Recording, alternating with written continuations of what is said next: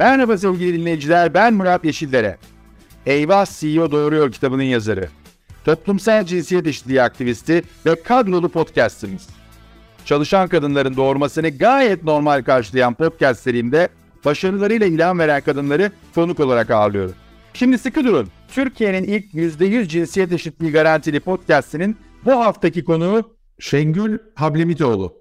Bugün çok heyecanlıyım çünkü konuğum Profesör Doktor Şengül Hablemitoğlu. Uzun zamandır bir araya gelmek üzere plan yapıyorduk ve sonunda başardık. Şengül Hanım hoş geldiniz. Merhaba, çok teşekkür ederim. Sağ olun, ne kadar güzel e, sözler söylediniz. Ayrıca yaptığınız hazırlık için de çok teşekkür ediyorum. Özellikle bunu söyleyelim. Bizi dinleyenlere çok mutlu oldum. Sorular nefis. Onu şimdiden söyleyelim başlamadan. Çok naziksiniz. Çok çok teşekkürler. Ee, sizi aslında e, e, uzun uzun anlatmaya e, gerek yok ama e, bir bilim insanı ve özellikle de e, kadın konularında, kadın konularının savunusunu her platformda e, yılmadan e, yapan bir e, bilim insanı e, Şengül Ablemitoğlu. E, o çerçevede de e, birçok noktada en azından bu söylemleri paylaşırken yollarımız kesişti, kesişmeye devam ediyor. Onun için de bunun etrafında bugün e, konuşmayı özellikle arzu ediyorum. E, ve hani şöyle büyük bir soruyla başlayalım. Bu kadar sıkıntıyı dünyada yaşarken artık e, alternatif bir şeyleri düşünmenin ve hatta kadınların daha aktif olduğu bir e, yönetim felsefesini, bir dünyaya hayal etmenin, hatta bunu hayata geçirmenin zamanı gelmedi mi? Çok güzel bir soru bu aslında. E, şöyle, e, deminki sözlerinizde de bir atıfta bulunmak isterim. Aslında Türkiye'deki kadın hareketi çok şanslı bir kadın hareketi. Çok dolu bir kadın hareketi ve çok emek sarf eden, çok sayıda her ideolojiden ve her renkten kadını içinde barındıran. Bence e, dünyadaki kadın hareketi de öyle. E, sanıyorum en güçlü e, siyasi boyutu da olan en güçlü sosyal hareket kadın hareket. Bir kere bunun altını çizerek sanıyorum sorduğunuz soruya geçersek e, daha da anlamlı olacak diye düşünüyorum söylediklerim. E, bu 2020 yılı e, Mart ayından itibaren bizim dahil olduğumuz ama bütün dünyanın 2020'nin başından itibaren içinde olduğu bu pandemi süreci e, bana şey gibi geliyor. E, ben hep şey dedim bir sahne oldu. Özellikle liderlik anlayışını ve e, yönetim anlayışını sergilemeleri için insanların bütün dünyada bir sahne oldu. E, hepimizin yakından gözlemlediği gibi işte Almanya, Yeni Zelanda, Finlandiya, İzlanda, Norveç, Danimarka, işte Asya ülkelerinden Tayvan e, salgınla mücadelede e, öne çıkartılan e, ve farklı yaklaşımları nedeniyle başarılı olan e, kadın liderler e, öne çıktı bir anda bu süreçte. Ve işin çok enteresan tarafı da e, güçlü ülkelerin, güçlü erkek liderlerinin bu konuda ne kadar aslında e, aciz kaldıklarına ve saçmaladıklarına da tanıklık ettik. Ben bunu bir yandan e, trajikomik buluyorum, onu da söyleyeyim yani. E, kadın e, mücadelesi siyaset, e, kadın mücadelesinin en önemli alanlarından biri. Ve sanki ben hatta buna dair de e, bayan yanında bir şey yazdım neredeyse e, korona pandemiye şükredecek hale geldik. Kadın liderlerin farklılıklarını ortaya koyabilmeleri açısından nedenli bir fırsat e, yarattı aslında pandemiyi yönetmek. E, çünkü yıllardır şöyle bir söylem vardı Murat Bey. İşte kadınların liderlik e, tarzı farklı. Onlar işte daha sevecen, daha yumuşak falan. Hani böyle bir de altı farklı çizilen bir liderlik anlayışının da içine böyle e, etiketlenerek konulmaya çalışılan bir e, söylem var. Yani bu hep dile getirilen bir şey ve e, baktığınız zaman da tabii bunun çeşitli nedenleri var. Bunu söylemek lazım. Ama biz e, bu süreçte özellikle bu demin söylediğim süreçte erkek egemen e, toplumsal yapıda yürütülen siyasetin e, dünyaya nasıl zarar verdiğine de tanıklık ettik. Yani ekonomilere, e, sosyal yaşama, siyasetin bütününe, toplumsal yaşama nasıl zarar verdiğine de tanıklık ettik.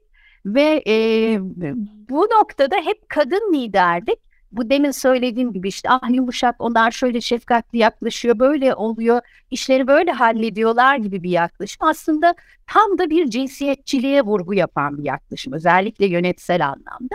Buna biz tamamlayıcı cinsiyet farklılıklarına dayalı cinsiyetçilik diyoruz.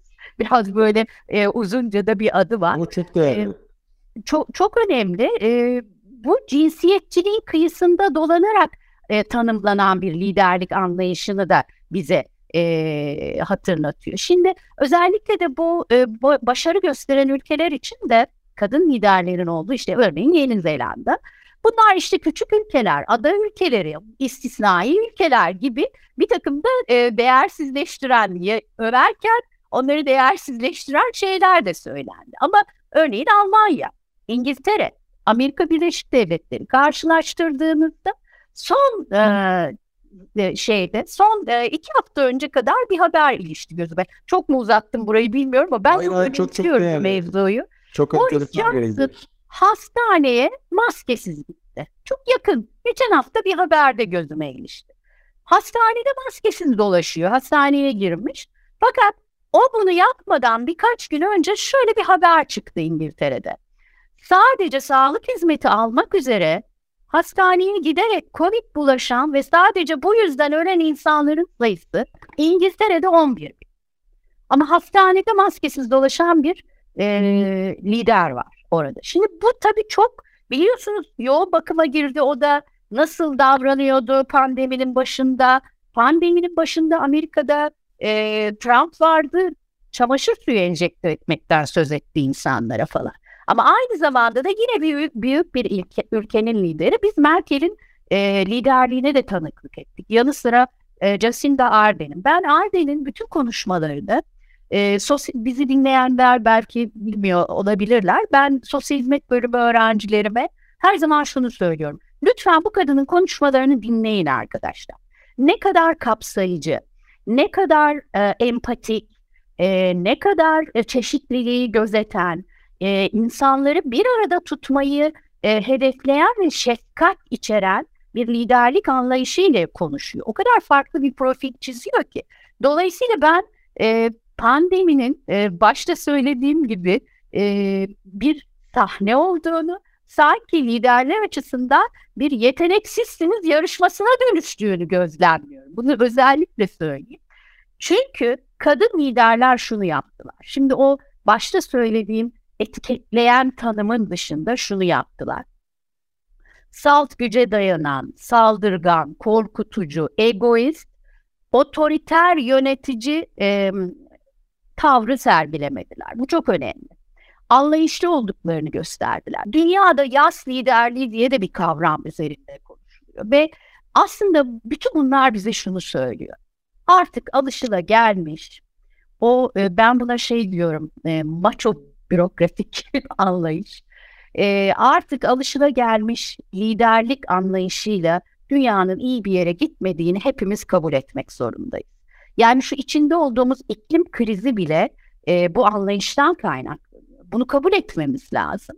E, buradaki e, liderlik başarısını e, vurgularken ben e, kadın olma özelliklerinden değil de bu kadın liderlerin e, lider ha, olabilmek için, siyasette bir yer edinebilmek için gösterdikleri mücadelenin bir sonucu olduğunu düşünüyorum. Onlar çünkü kırıp dökerek bir yere gelmiş insanlar değiller. Uzun yıllara dayanan, e, doğalarından gelen belki bir takım, evet kadınlık doğasından gelen bir takım özellikler burada etkin olabilir ama e, verdikleri mücadeleler e, sayesinde bunu başardıklarını düşünüyorum.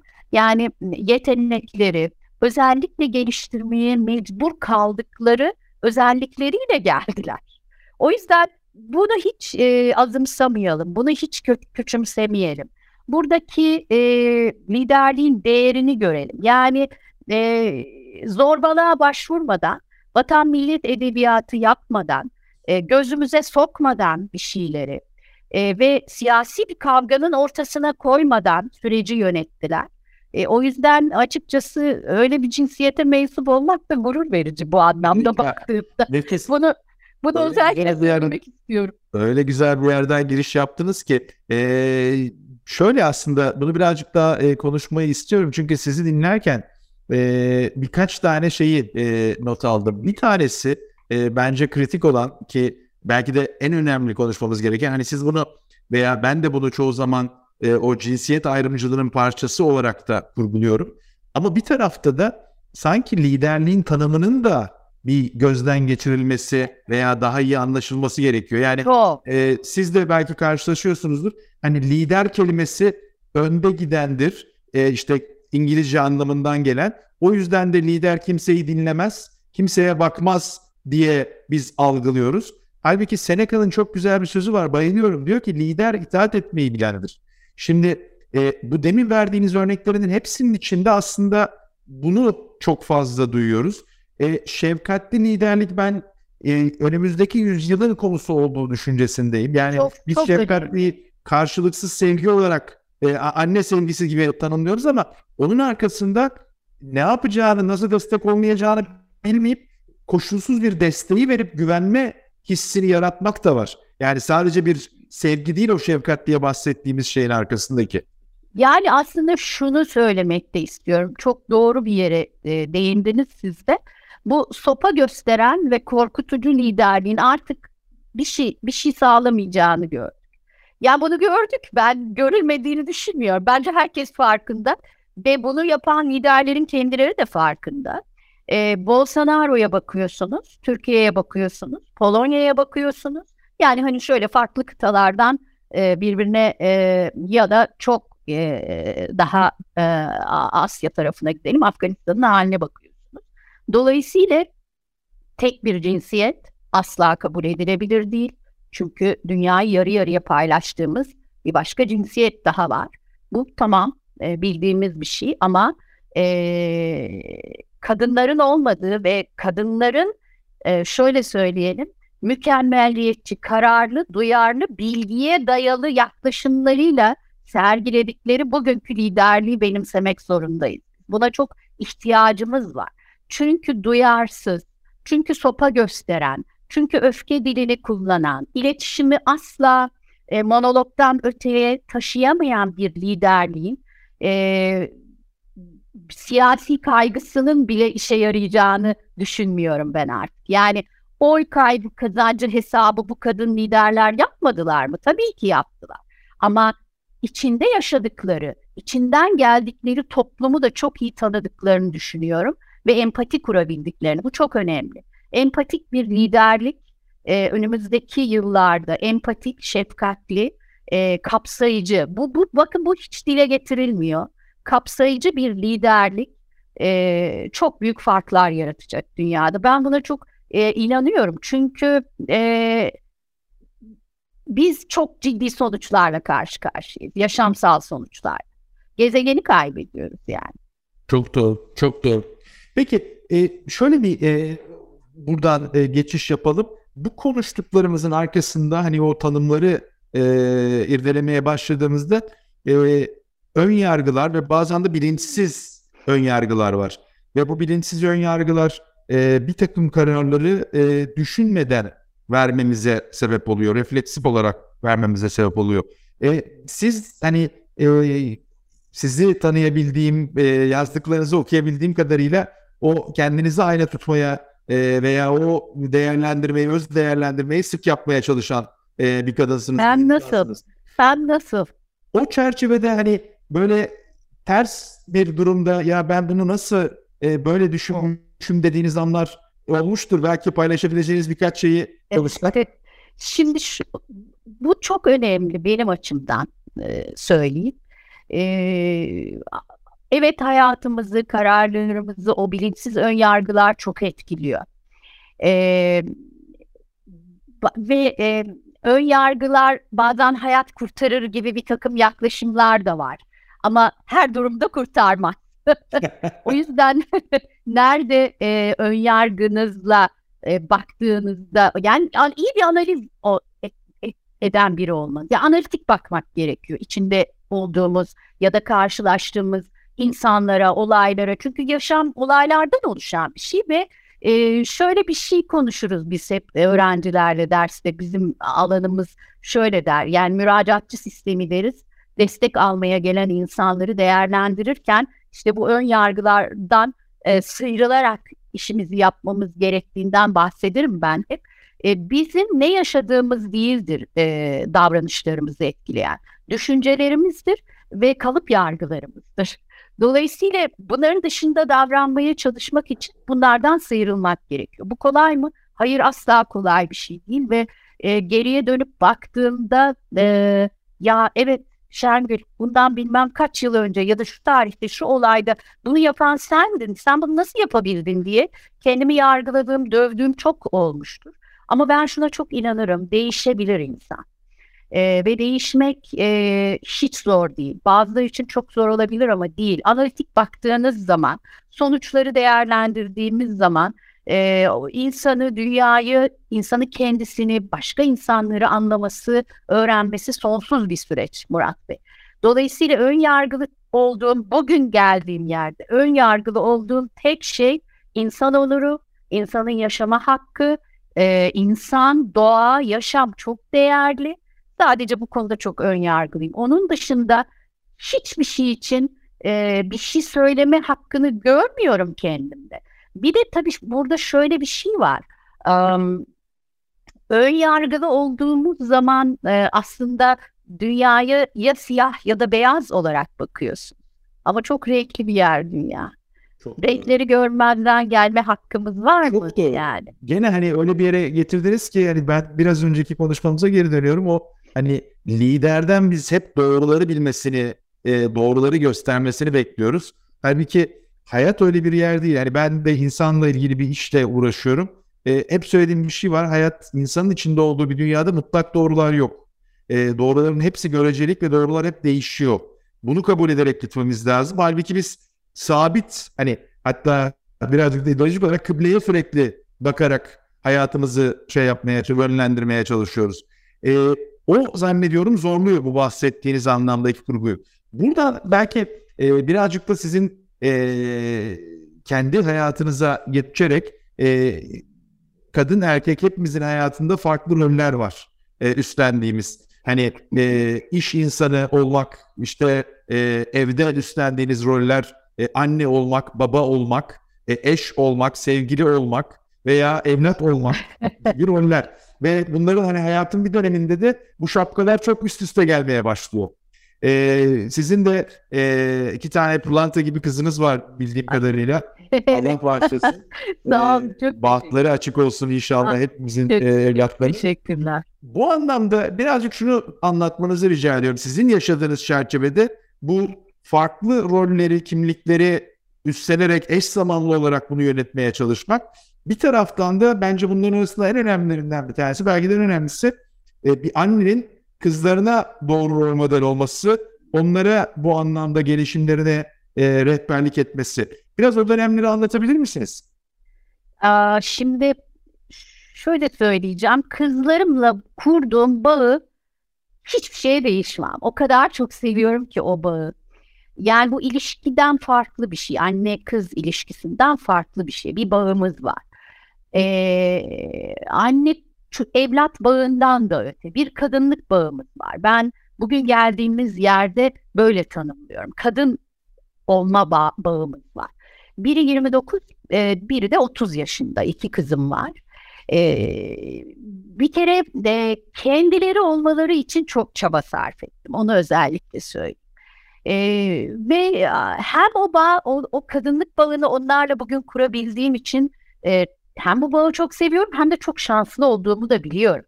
Her daim onlara rol model olmaya çalıştım. Bunu özellikle söyleyeyim. Çünkü annemle kuramadığım, kendi annemle kuramadığım, özendiğim, sürekli o, ben çok okuyan bir çocuktum.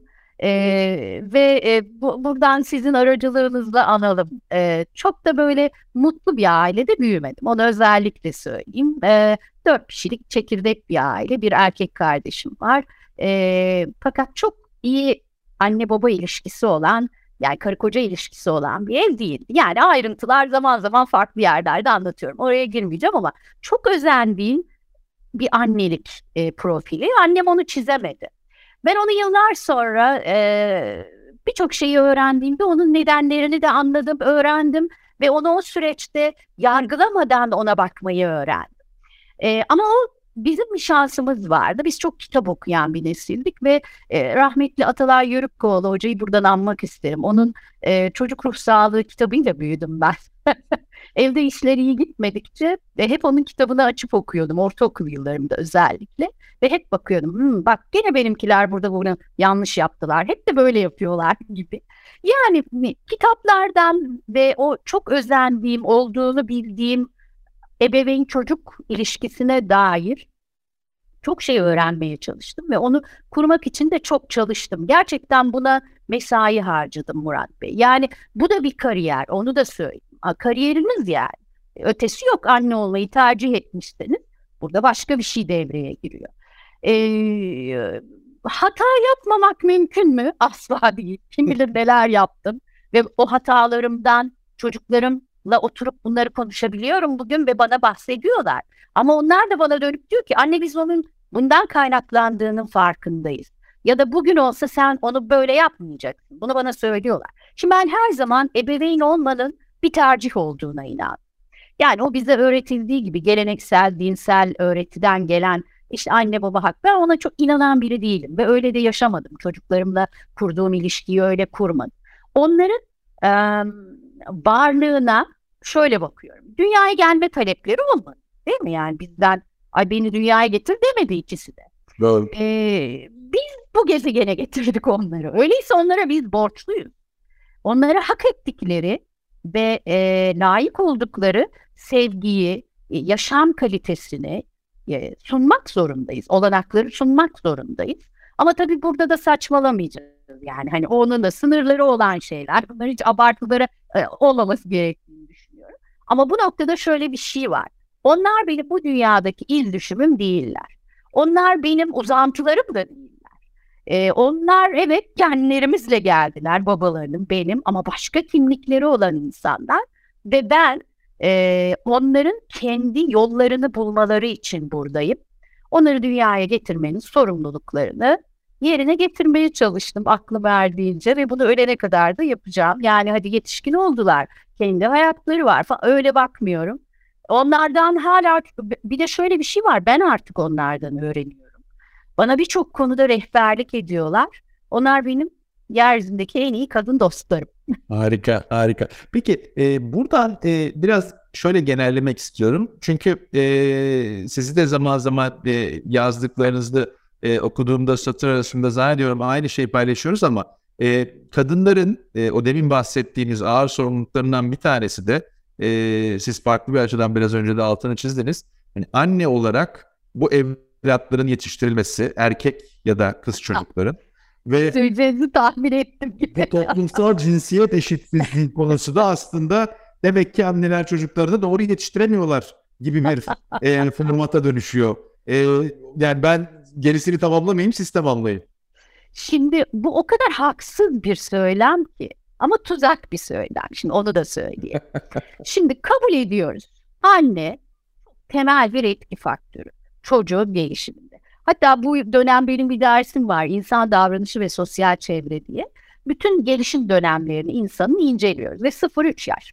Güvenli bağlanmanın e, geliştiği, insanın hayata, insanlara karşı güven geliştirebildiği bir dönem. Kim o? Bakım veren, ne kurduğu kimse o bakım veren anne de olabilir bir başkası da kurduğu ilişkiyle bağlantılandırdığımız bir şey. O ayrı bir mevzu onu konuşuruz. Fakat şimdi bu o kadar tuzak bir söylem ki e işte bu kadınları öldüren erkekleri de aynı kadınlar yetiştiriyor. Yani öyle bir şey söylüyoruz ki burada. Ben söylemiyorum da. Öyle bir şey söyleniyor ki. Biz ataerkil sistem dediğimiz bu düzenin mağdurlarının bu düzenden mağdur olanların kendi mağduriyetlerinin nedenleri olarak yine kendilerine işaret ediyor. Adres olarak yine aynı mağdurları gösteriyor. Çünkü bu ee, bir tuzak hakikaten ve öğretilen, dayatılan bir annelik var kadınlara. Bunun altını çizelim. Bu çok uzun bir mevzu ama annelik toplumsal bir şey. Yani öyle bir toplumsal bir şey ki reçetesini koyuyorsunuz kadının önüne böyle çocuk yetiştirilir diyorsunuz. Toplumsal cinsiyet rolleri ayrışmış zaten. Ataerkil sistem bu düzeni kurmuş. Kadınlar böyle yetiştirilir, erkekler böyle yetiştirilir diye. Sonra dönüyorsunuz, bu siz reçeteyi sunup bunu dayattıktan sonra kadına da sen yetiştirdin diyorsun. Ve kadınların nasıl olmaları, neyi başarmaları gerektiğine dair sürekli formüller sunuyorsunuz. Kutsal annelik mitlerini böyle e, dayatıyorsunuz, önümüze seriyorsunuz. Bu şu anlama geliyor. Kadınların kendine özgü annelik yapmalarını ellerinden alıyorsunuz. Annelik kadının tasarrufundan çıkıp ataerkil sistemin tasarrufuna giriyor, toplumsallaşıyor, hatta kurumsallaşıyor. Tekrar tekrar idealize edilerek kadınların önüne konuyor. Demin söylediğim gibi mağdur olanın, mağdur edilenin, mağduriyetinin tek sorumlusu kendileri oluyor. Bu tabii kabul edilebilir bir şey değil. Ee, kurgulanmış annelik. Bir parantez açacağım burada. Özür dilerim. Estağfurullah. Buyurun. Oradan devam eden istiyorum ama şu, o parantezde şu. E, hani o bahsettiğiniz tuzakta kadınların nezdinde de kendine bir karşılık buluyor. Yani kadınlar da kendini o köşeye e, çekip Evet. savunmaya ve bunu kabul eder ve hala da maalesef sıklıkla Evet, geçiyorlar. çünkü- En azından benim gözlemim. E, e, çünkü buradaki farkındalığı e, sağlayabilecek koşullar yok. E, o kadar e, bu empoze edilmiş ve öğretilmiş bir şey ki bunun dışındaki bir farkındalığı sağlayamıyorsunuz. Kuşatılmış durumda. Annelik, kadınlık rolleri kuşatılmış durumda ve e, istediği gibi annelik edemeyen kadının kurgulanmış anneliği de bir de kadın kimliğinin ve cinsiyetinin önüne de geçiyor. Bu korkunç bir şey. Bir de üstelik "Ha, ille de anne de olacaksınız diye de bir dayatma da var yani. Bu tabii gerçekten büyük haksızlık. Ee, o yüzden bu kabul edilebilir bir şey değil. Ee, tam bir e, kaçak dövüşmek. Ataerkil sistemin tam bir e, mevcut soruna dair kaçak dövüşmesi. Mevcut sorundan kaçması anlamına geliyor. Burada da aslında e, gene sizin bence yani enfes bağlantı kurduğunuz şeylerden bir tanesi e, gene yazılarınızdan bir tanesinden e, atıfta bulunarak e, bu e, kadınların yumurta dondurarak kariyerlerini eş zamanlı yapma hikayesi. Yani kurtuluşun ve tuzağın o köşeğin daha da dibine doğru gitmek üzere kurgulanmış bir yol. Aslında şimdi onu ben e, dondursak da mı saklasak diye bir yazı yazdım ben bir gün. E, onu şunun için yazdım. Böyle küçücük kenarda köşede bir haber ilişti gözüme. Facebook'un çalışanlarına şöyle bir olanak sunduğu haberi Amerika'da. Diyor ki genç e, yaşta biyolojik saatinin işlediğini ve bunun kaygısını taşıyan kadınlara diyor ki siz diyor şimdi diyor kariyerinizden vazgeçmemek için eğer e, yumurtalarınızı dondurma yoluna giderseniz size 20 bin dolar verecek Facebook. Bu da bir tuzak. Neden? Çünkü biyolojik saat diye bir şey var. Bakın ben için kendimi düşünüyorum. Evet e, bugünkü aklımla anne olmayı tercih ederdim ama bugünkü bedenim anne olmama müsait değil. Şimdi dolayısıyla e, iyi annelik ya da şöyle diyelim e, annelik öğrenilebilir bir şey. Nereden öğreniyoruz? Kendi annelerimizden ama artık dünya çok değişti. Sadece kendi annelerimiz değil, çok sayıda kaynak var anneliği öğrenmek için ve çok rol model var. Dolayısıyla biz kadınların yükünü, çalışan, kariyer yapmak isteyen kadınların annelik yükünü kompanse etmek yerine, bunu sağlayacak kurumsal uygulamaları koymak yerine ya ne yapıyoruz? Kadınları kariyerden vazgeçmeye zorluyoruz. Aa işte gidersen geride kalırsın. Korkutucu bir de böyle şeyler koyuyoruz. Aa işte bak tam yükselme aşamasındasın şu olacak bu olacak. Şimdi anneliğin zamanı mı falan. Ya da kadınları biyolojik saatinin dışında davranmaya zorluyorsunuz. Bu çok acımasız bir şey. Tam da kapitalist sistemin istediği şey e, kar maksimizasyonu ve e, iş gücü maksimizasyonu için diyor ki sen bu biyolojik saatinden vazgeç. E ileride yaparsın bir şeyler. Ama aynı şeyi erkekten istemiyor. Git spermlerini dondur da sonra gelir gider kullanırsın bunu demiyor yani. Niye yani? Niye bilmiyorsun bunu? Bu çünkü ne kadar bakın gel 21. yüzyıldayız ve bunu isteyen bir şey var. E, sistem var sizden. Ve e, bir de tabii şu mesajı da taşıyor. Bu e, çok küçük bir olay gibi görünüyor ve üzerinde tartışılmıyor bile. Aynı şey bakın anne sütü banka anne sütü bankasıyla da ilişkili. Yani o da ayrı bir mevzudur ama şimdi burada şöyle bir şey var. Şöyle bir mesaj veriyor. Diyor ki çocuk doğurmak bir kadın için ne evde ne iş yerinde adil yaşama ve çalışma hakkının olmadığı anlamına geliyor. Sen çocuk doğurursan haklarından vazgeçiyorsun kardeşim deniyor. Bu ka- kadınlara dayatılan, kurnazca dayatılan bir beden politikası olduğunu düşünüyorum. Büyük haksız. E, aslına bakarsanız hani o şeyin arkasında hani kariyer de yaparım çocukta e, kısmı da o mesajın arkasında da birazcık o var. Yani hani e, bu sanki böyle bir yol ayrımı. E, evet, evet. Bir yapmak için de birden şey, yapamazsınız. Ve o kadar haksızca eleştiriliyor ki bakın Murat Bey bugün bir tweet okudum. Sabahtı sanırım. Ya dün akşam ya bu sabah. Şöyle söylüyor.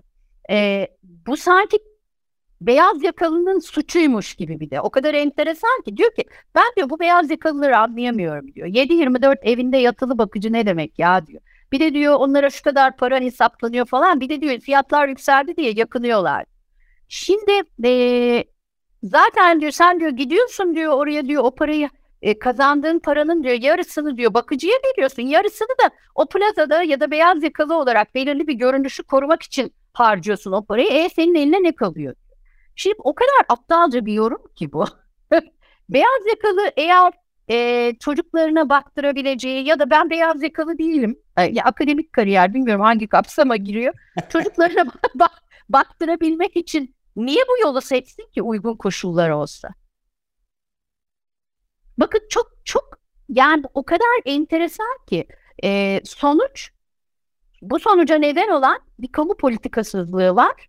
Ama sonuç nedeniyle kendi çözümünü üretmeyen insanları aşağılıyorsunuz ve bir de eleştiriyorsunuz Kabul edilebilir şey değil. Çok çok haklısınız. Çok haklısınız. Şeye geri dönüyorum tekrar. Ee, ben o bilinçsiz ön yargılar noktasındayım. Yani ben bu tip yorumlar yapanların hatta demin verdiğiniz Facebook örneğinde dahi hani bunun oturulup düşünülmüş, yaratılmış bir şey değil. Böyle bir şey var hadi bir cevap bulalım. Böyle bir şey var hadi bir cevap bulalım. Yani Bakın şey yok. Entegre bir Murat Bey, politika yok. Maalesef yok. Burada mesela Facebook dedik orada da Sheryl Sandberg'den söz etmeden geçemeyeceğim. Evet muazzam bir kadın. Acayip bir kitap yazdı. İşte beyaz yakalının uğradığı kadınların haksızlıkları falan ama Amerika'da o kadar eleştiriliyor ki. Çünkü şu söyleniyor. Ön yargılar dediniz ya. O bir beyaz feminist deniyor ve e, farklı ırkların, farklı etnisitenin, trans kadınların hakkını savunmaya geldiği zaman asla göremezsiniz. İşte o ön yargılar bizi biraz yarım feminist, bizi biraz yarıs, yarım hümanist, bizi biraz yarım neyse o yapıyor. Ee, o yüzden o ön yargılar bela, başımıza bela. Çok çok haklısınız. Hatta bugün ya da dün Financial Times tam bu söylediğinizi şey yaptı. Yani çeşitlilik sadece beyaz kadınların haklarını mı e, korumaktır diye bir makale e, çıktı. E, burada da tabii sizin söylediğiniz noktada şöyle giderek de hani o çeşitlilik dediğimiz kavramın sanki kademeleri var gibi biz konuşuyoruz. Yani şu anda biz Türkiye'de toplumsal cinsiyet eşitliğini yakalayacağız. Ha onu önerirsek sonra belki işte bu ırka, millete, yaşa e, geçecek. Hani kademe kademe hani bu mindset yani bu bakış açısı zihniyetse ya var ya yok. Yani bunun birazı yok diye düşünüyorum. Evet.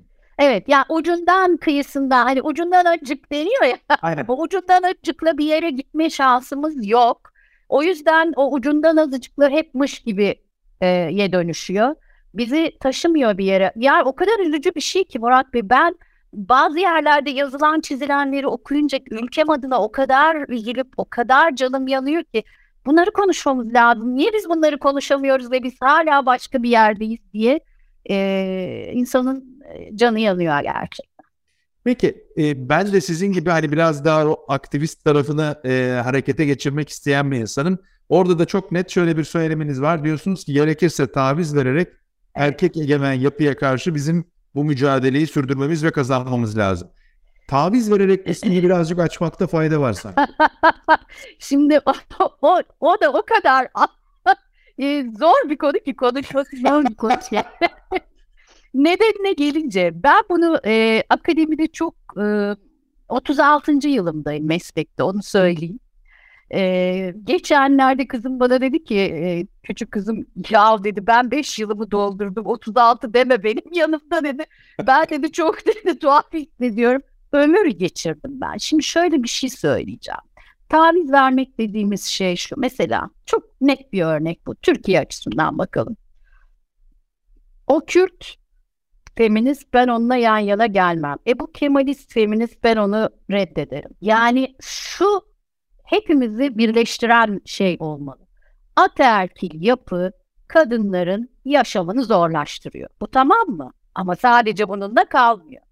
Ülkelerin sosyal yaşamını, ekonomisini olumsuz etkiliyor. Çünkü yapılmış hesaplamalar var.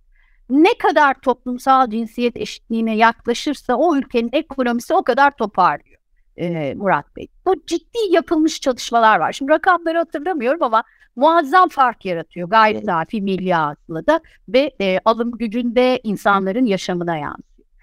E, eş, biz biz bunu da biliyoruz. E, eşitsizliğin erkekleri zorladığını da biliyoruz. Şimdi bunların hepsinin bizi birleştirmesi gerekiyor. E, erkeklerin katılımı olmadan kadınların hem kendi içindeki bu e, ötelemeyi, e, yok saymayı bir kere aşması gerekiyor. Bu fedakar. Yani o dediniz ya ön yargılar. Bir kere o ön yargılardan sıyrılmamız gerekiyor. Yanı sıra erkeklerin de önce ataerkil sistemi reddetmeleri gerekiyor. E, oradan gelen o kazanımlardan, o gücün e, sağladıklarından biraz fedakarlık etmeleri gerekiyor. Bir kere bunu kabul etmemiz lazım. E, kadınlar gerçek sorumluluğun aslında bütün bunların gerçek sorumlusunun ataerkil sistem olduğunu yüzyıllardır anlatıyor. E, bunu anlamak neden bu kadar uzun sürüyor ve bu kadar zor açıkçası onu henüz yanıtlayamadım. bu kadar zamandan bu kadar zaman almamalıydı. Yani binlerce yıllık tarihi var kadınlara uygulanan bu geride bırakma ve e, gücü paylaşmama e, sürecinin binlerce yıllık bir geçmişi var. E, yapısal eşitsizliklerin ortadan kaldırılması için ataerkil sistemin yıkılması gerekiyor. Bir kere bu bu bu, bu çok önemli. Ama burada başka elini taşın altına koyması gerekenler de var. Şimdi erkekler konfor alanından çıkacak. Kadınlar birbirini ötelemeyecek ama bir de bütün bunları birlikte yapmamız gereken bir siyasetçi kesim var. Hani işte ay siyaset falan hani olmasın siyaset. Hayat siyaset yani bu siyasetin birincil konu. Dolayısıyla siyasetçilerin sorumluluğu çok büyük Murat Bey. Mevcut durumumuzda bütün dünyada geçerli bu ve bizde çok daha görünür artık. Hani böyle gözümüze soktu siyasetçiler bunu son dönemde. Siyasetçi tutumu şöyle. Bir kere onların cinsiyet eşitliğine bir adanmışlıkları falan yok. Buna inanmıyorlar. Göstermelik yani bunu kabul edelim. Ve e, kamuoyu önünde de böyle hani dillerinde o. Yani bir türlü onu yaşama geçiremiyorlar. E, yasal olarak da eşitlik var. Son derece çarpık bir söylem. İşletmediğin yasanın sağlamadığı bir eşitlik var. Yani bu kabul edilebilir bir şey değil. Dolayısıyla herkesin elini cinsiyet eşitliği için taşın altına koyması, e, fedakarlık etmesi ve e, konfor alanlarından mutlaka çıkması gerekiyor. Bunu kabul edelim ve burada tabii şöyle bir şey daha söylemek istiyorum ben. E, biz biliyoruz ki e, bu çok önemli. Bence çok büyük bir değer bu. Bunu söyleyeyim. Bunun en önemli örneği de sizsiniz bence. En görünür örneklerinden birisiniz diye düşünüyorum. E, dünyada kadınların müttefiki olmaya hazır ve e, bu farkındalığı taşıyan da çok sayıda insan var. Çok sayıda erkek var. E, eşitliği öğrenmeye hazır. Sadece e, ataerkil yapı tarafından damgalanmak istemeyen ve ortaya çıkma cesareti bekleyen erkekler de var. Bunu da söyleyelim. Yani bu duvarları aşmış erkek çok sayıda var. Ama bunu yapmak isteyen ama damgalanmaktan çekinen çok sayıda erkek de var. Bence bu bir, önemli bir değer. Ee, onların e, açığa çıkmalarının önündeki, ortaya çıkmalarının önündeki e, engel de tabii ki ataerkil düzen. Biz bu düzeni yıkarız yani. El ele verirsek biz Tabii. düzeni yıkarız. Bu böyle çünkü bunca acıyla, bunca kanla, vahşetle çünkü Türkiye'de öyle yürüyor şu anda. Eşitsizlikle evet. gidemez yani. Bu, bu sürdürülebilir bir şey değil Murat Bey. Cinsiyet eşitliği e, Catherine Mayer'ın bir kitabı var. O kadar önemsiyorum ki ve çok şeker. Ben Twitter'da paylaşınca kitabından bahsettiğimi hemen bana bir teşekkür tweet'i attı alıntılayarak. Bayılıyorum e, bu iletişimler kurulduğunda da. E, o diyor ki cinsiyet eşitliği dünyayı kurtarır mı? Biz buna henüz bilmiyoruz. Gerçekleşmedi çünkü diyor. Ama eşitlik sağlandığında bunun dünyayı kurtarıp kurtarmadığını hep birlikte göreceğiz diyor. Çok çok haklı aslında onu bıraktığı yerden ben de demin siz siyasetten bahsederken e, hani ben e, birkaç e, tepki alıyorsam siz herhalde onlarca yüzlerce binlercesini alıyorsunuzdur. En çok duyduğum şeylerden bir tanesi. İşte ekonomi çatlıyor, memleket elden gidiyor, dünya burada, sen hala kadın erkek konuşuyorsun. Yani bunun o kaldıraç ve tehdit olduğunu insanların kavraması belki de çok farklı bir yere götürecek bizi. Yani e, çünkü şöyle elimizde veri var Murat Bey. E, yakın zamanda Birleşmiş Milletler'in bir çalışması galiba. Şimdi tam rakamlara gerçekten bakmadım yani sizinle konuşmaya girmeden önce. 139 ülkede yapılmış, en son yapılmış bir çalışma var. Hatta bir yazımda da yazdım bunu. Ama e, şeyleri, oranları hatırlamıyorum ama cinsiyet eşitliği yani bir e, cinsiyet eşitliği indeksi var. Bütün dünyada her yıl yayınlanan. Bu indekste üst sıralarda yer alan ülkelerin ekonomileriyle diğerlerini karşılaştırdığımızda çok ciddi farklar var. Bunu bu, bu veriyle yani elimizde evet, bir, biz afaki bir şeyden bahsetmiyoruz yani. Veri var ve veri bize bunu söylüyor. Bakın çok önemli başka bir şey var. Gerçi biz Bak, hani ülke olarak verileri her zaman doğru yönde doğru şekilde kullanıyor muyuz o ayrı bir tartışma konusu ama. Yani tabii Veri çünkü hoşumuza gitmiyor Murat. Aynen öyle. E, veri e, karşımıza çıkan veri bize bir gerçeği yüzümüze vuruyorsa o ve o gerçek bizim hoşumuza gitmiyorsa o veriyi kullanmayı sevmiyoruz. Tıpkı e, ölenlerin sayılarını iyi e, doğru açıklamamak gibi. Kaç kaç kadın öldü, kaç erkek öldü. Bunların kaçının kronik hastalığı vardı. E, kaçı aşılıydı, kaçı aşısızdı, kaçı hangi sosyoekonomik düzeyden ve hangi eğitim düzeyinden geliyor. Bunlar o kadar önemli veriler ki. Ben şimdi mesela belirli bir konuda makale yazmak istesem sosyal kapital ya da işte ne bileyim hastalığın sosyal boyutuyla ilgili bu veriler yok. Yazamam bununla ilgili. Ancak tıbbi e, alanda e, Ocak ayı dahil e, Murat Bey bu yılın Ocak ayı sonraki veriye bakmadım. Sadece PubMed'de çıkan pandemiye dair tıbbi makale sayısı 90 Sosyal bilimciler çeşitli şeyler yazıyorlar ama onlar ne yapıyorlar? İşte nitel e, anket usulü çalışma yapıyorlar, e, nitel çalışma yapıyorlar, nicel nitel. Ama bu verileri kullanarak bir şey yazamıyoruz. Çok zor yani. Çünkü bilmiyoruz hangi eğitim düzeyinden insanlar yakalandı. Hangi meslek grubundan, hangi e, yaş grubundan. Yok görmüyorum ben bunları. Yani işin tabii acısı da yani maalesef buradaki niyeti bu sefer sorguluyorsunuz. Hani e, dünyanın da Türkiye'nin de geldiği noktada aslında e, o merkezileşmiş veri tabanlarını düşündüğünüzde bu söyledikleriniz bir tuşa basılarak önümüze çıkabilecek bilgiler. Yani hani bu eski çok zamandaki gibi değil. Aynen öyle yani. Bir tuşa basılarak çıkacak şeylerden bahsediyorsun. Şimdi Murat Bey tam da bu noktada belki yani konuyla çok ilgili bilmiyorum ama ben gene öğrencilerimle paylaştığım bir şey söylemek istiyorum. Şimdi ben internette 32 yaşında tanıştım. Yani işte 90'lı yılların ilk yarısı gibi diyelim ve o zaman beni bulunduğum bölümde tek bir bilgisayar vardı. İstatistik analiz yapabilmek için Minitap diye saçma sapan bir programı kullanmak zorunda kalıyordunuz. Şimdi SPSS'lerin bilmem ne versiyonları çıktı. İşte en uzak, dünyanın en uzak e, kuruluşundaki bilmem ne istatistiğine ulaşıyorsunuz. Her şeye ulaşabiliyorsunuz. Şimdi o yüzden hani bu çağda verisizliği ben e, veri, veri kullanmamayı açıkçası bir yere konduramıyorum. Yani onu söylemeyeyim. Ne hissettiğimi çok e, öfkelendiren bir şey insanı. Maalesef. Ee, arada birazcık konuştuk ama gene o konuya geri dönmek istiyorum. Ee, son kitap Yaz. Ee, diyorsunuz ki yaz kaybettiğimiz sevdiklerimize içimizde bir yer açmaktır. Onları içimize sığdırmak için kendimizi büyütmektir. Uzun bir yoldur. Hayat boyu dönüp dönüp geriye bakılan yitirdiklerimizi yanımıza alıp yürüdüğümüz adına hayat denilen uzun bir yol. Ee, inanılmaz etkileyici ee, ama özellikle şey kısmına bayıldım. Yani içimize sığdırmak için kendimizi büyütmek kısmı. Yani bunu nasıl yorumlarsınız bilmiyorum ama birazcık sizden bununla ilgili birkaç şey duymak da istiyorum. Aa, şimdi kitapta da ona yer verdim. Ee, şöyle bir şey söyleyeyim. Ee, bu kitabı bütün öğrenmelerimin sonucunda yazdım.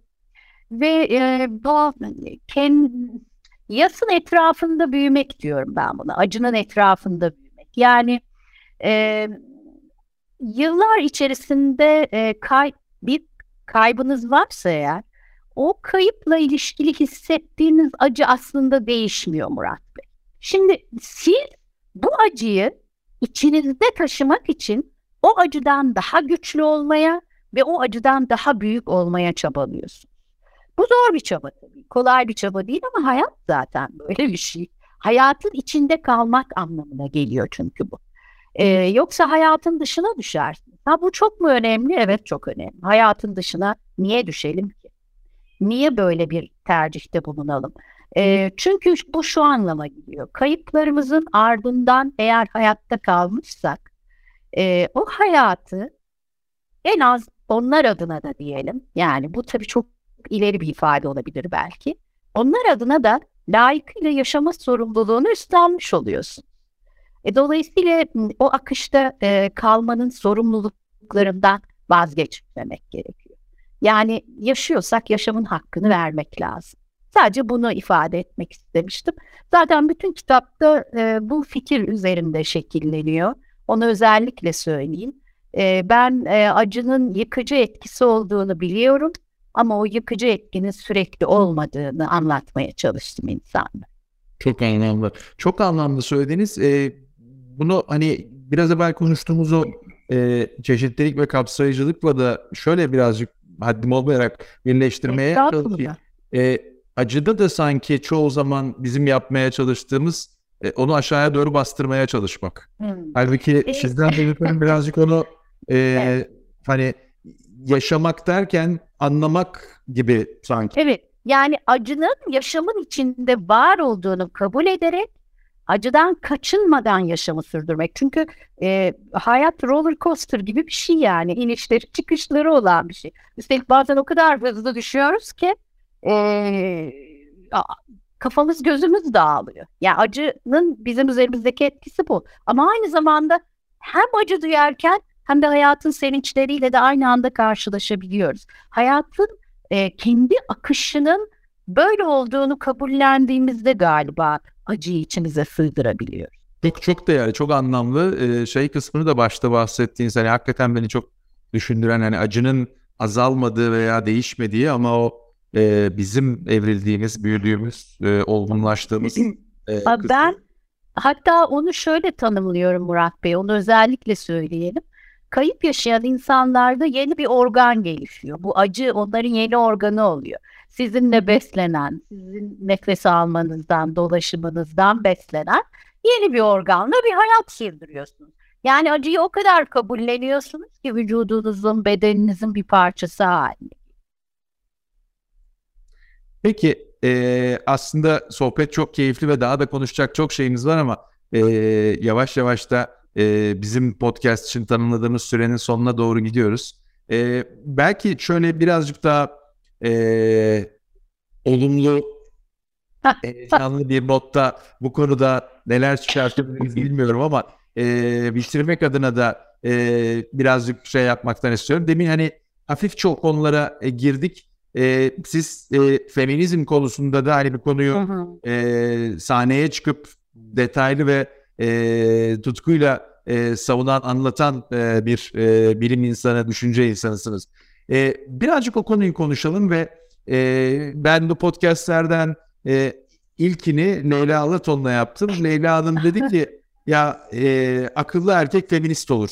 Şimdi feminizm geleceğine ve feminizmin de bu demin konuştuğumuz konularda e, bir çıkış olabileceğini de düşünenlerden bir tanesiyim. Sizin bahsettiğiniz o deminki kapsayıcılıkla veya siz tavizler diyorsunuz, tavizlerle birlikte. E, şöyle bir genel soruyu sorayım ama feminizmi de yorumlarınızı rica ederek. E, siz bu konuştuklarımız çerçevesinde, e, çünkü bu hani endeksler her sene yayınlanıyor, Dünya Komik Forumu çarpıcı çalışmalar yapıyor. dünyada da ama daha da özelinde Türkiye'de e, kırılmayı pozitif anlamda e, iyileşmeyi, düzelmeyi e, nerede görüyorsunuz ve nasıl bir çıkış noktası tanımlıyorsunuz e, toplumun geneline baktığınızda? Bir kere şu şunu söyleyelim mi burada? Ben e, onu önemsiyorum. Bu toplumsal cinsiyet e, eşitliği meselesini e, bir um, sadece feminizmin sorunu değil yani. Feminizm evet öne çıkmak zorunda bu noktada. Çünkü feminizm bir e, hak mücadelesi e, olan bir anlayış, bir ideoloji feminizm. Yani bunu kabul etmemiz lazım ve o kadar küresel bir ideoloji ki bütün dünyada göre, rastlayacağınız bir şey, bir hareket.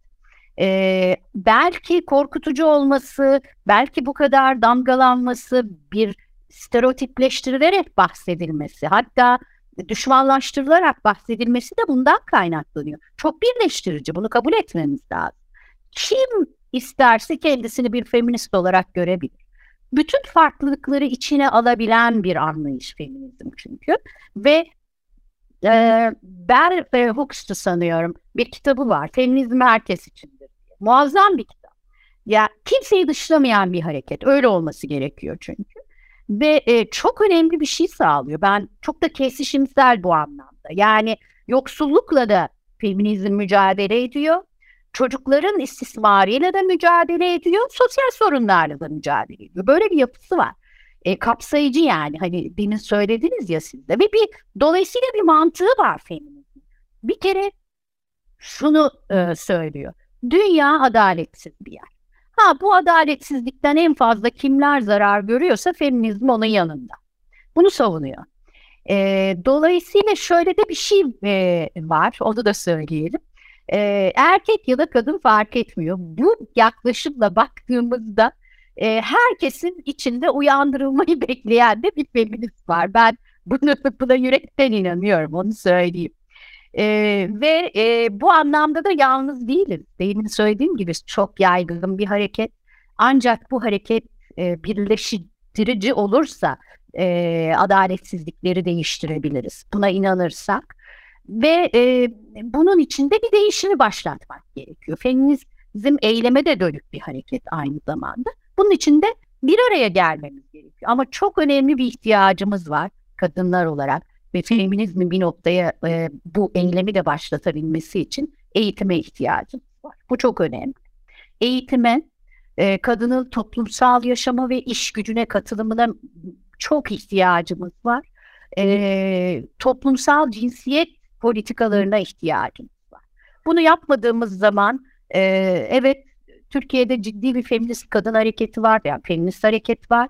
E, ama bu bunu bunun için mücadele etmemiz gerekiyor ki zaten gerçekten ciddi bir çaba var.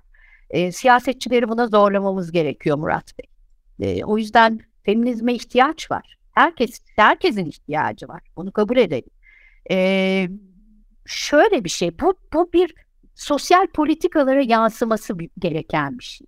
Bakın Avrupa'nın en düşük çalışan kadın sayısı bizde. Evet eğitim var fakat eğitim kadın ağırlıklı alanlarda var. İşte öğretmenlik, hemşirelik hatta tıbbın bile kadına özgü olan alanlarında çok daha fazla kadın var. E, dolayısıyla eğitim var istihdam yok. E, kadın işlerinde ağırlıklı bir. Özendirici, destekleyici politikalara ihtiyacımız var. Çünkü feminizmin de güçlü kadınlara da ihtiyacı var. Güçlü erkeklere ve güçlü kadınlara ihtiyacı var. E, bütün bunları birlikte yapmamız gerekiyor.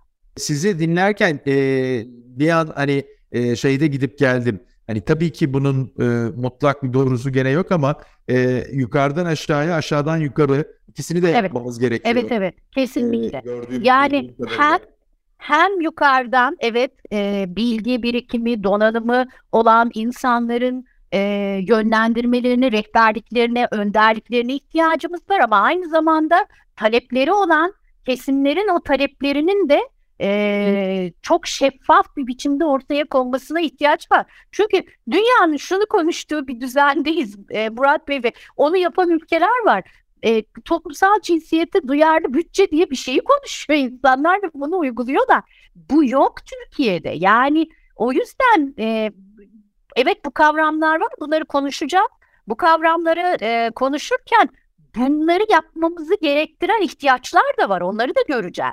Çünkü kavramlar bazen sanki hani şimdi bu bizim ihtiyacımız değil gibi düşünülebilir. Hayır bunu konuşurken aslında hangi ihtiyaçlar çerçevesinde konuştuğumuzu da ortaya koyuyoruz. Bu çok önemli. Çok doğru. O yüzden evet. E, şeyi söyleyecektim yani sizin söylediğinizde belki şöyle e, devam ettirerek e, ben orada bir e, hesap sorma ve talebin de önemli olduğu düşüncesindeyim. Yani hani siyaseti evet konuşuyoruz ama siyasetteki oy gücüyle yönlendirmek. Evet, evet çok şey çok önemli. konuşuyorsak satın almayla bunu yönlendirmek veya e, yatırımla hani sizin verdiğiniz e, toplumsal cinsiyet hassas bütçeleri konuşuyoruz. E, Birçok e, uluslararası emeklilik fonları e, bu anlamda toplumsal cinsiyet eşitsizliği olan şirketlere yatırım yapmama kararı almaya başladılar dünyada. O kadar, o kadar doğru bir yaklaşım ki ama bakın biliyor musunuz Türkiye'de şöyle bir şey yapıyor. Ben buna da tanıklık ediyorum. Bunu da söyleyeceğim üzgünüm. Mesela büyük şirketler bazı fonlardan yararlanabilmek için toplumsal cinsiyet mevzunu acayip kullanıyorlar. İşte bunu ne kadar e, yansıtıyorlar kurumsal politikalarına onu bilmiyorum. Ölçüle ne kadar ölçüyor o fonlar? Hani cinsiyet eşitliği çalışması yürütüyorum bu fondan yararlanayım diye firmalar başvuruyorlar ya da neyse kurumlar. Ama bunun, bunun ne kadar e, kurum içi politikalara ve uygulamalara yansıtabildiği nasıl ölçülüyor? Buna dair bir bilgi yok açıkçası. Biraz Türkiye bunun da yine etrafından dolanıyor her zaman olduğu gibi. Ama dünyada bunun çok iyi örnekleri var. E, bir de tabii ciddi eşitsizlikler var. Sadece bizim ülkemizde yok. Yani e, bir kitaptan söz edeceğim. Invisible Woman diye. E, Caroline Cardio Perez'in yazdığı. Henüz Türkçe'ye çevrilmedi. Muazzam bir kitap. Bütün veriler var dünyada nasıl eşitsizliklerin e, işlediğine dair. E, işte kalp hastalıklarıyla ilişkili araştırmalardan tutun da beyin araştırmalarına kadar, e, ilaç kullanımına kadar, arabaların e, kaza testlerine kadar nasıl eşitsizliklerin yapıldığını anlatan, sayılarla anlatan muazzam bir kitap. E, dünya buradaki e, tutumunu kabul etti bence. Sadece yaşama geçirmekte zorlanıyor ama e, ciddi yatırım da istiyor toplumsal cinsiyet eşitliğini yaşa, yaşama geçirmek ama yapmak zorundalar. Çünkü bunu yapmadıklarında hiçbir toplumun başına geleceklerden kaçması mümkün görünmüyor. Öyle söyleyelim en azından. Şengül Erlingtoğlu şahanesiniz. Ee, ben bu, bu saatin sonunda kendimi e, birazcık daha evrilmiş, e, Ay, estağfurullah. öğrenmiş, gelişmiş e, hissediyorum. E, hem e, paylaşımlarınız hem de tavsiyeleriniz sayesinde. İyi ki geldiniz, iyi ki varsınız. Çok çok teşekkür ederim. Sağ olun, siz de iyi ki çağırdınız. Ee, uzun süredir yaz konuşuyordum e, kitabımdan dolayı. E, biraz da e, bu konulara girmek e, bana da iyi geldi. Hatırladım bazı şeyleri. Çok teşekkür ediyorum davetiniz Teşekkür bana ait. Çok çok teşekkürler. Gayet de keyifliydi. Sağ ol. Çok teşekkür. Elbaz CEO'da arıyorum. Bu haftaki konu Şengül Hablemidoğlu oldu. Önümüzdeki hafta farklı bir kadın liderle tekrar bir arada olmak üzere.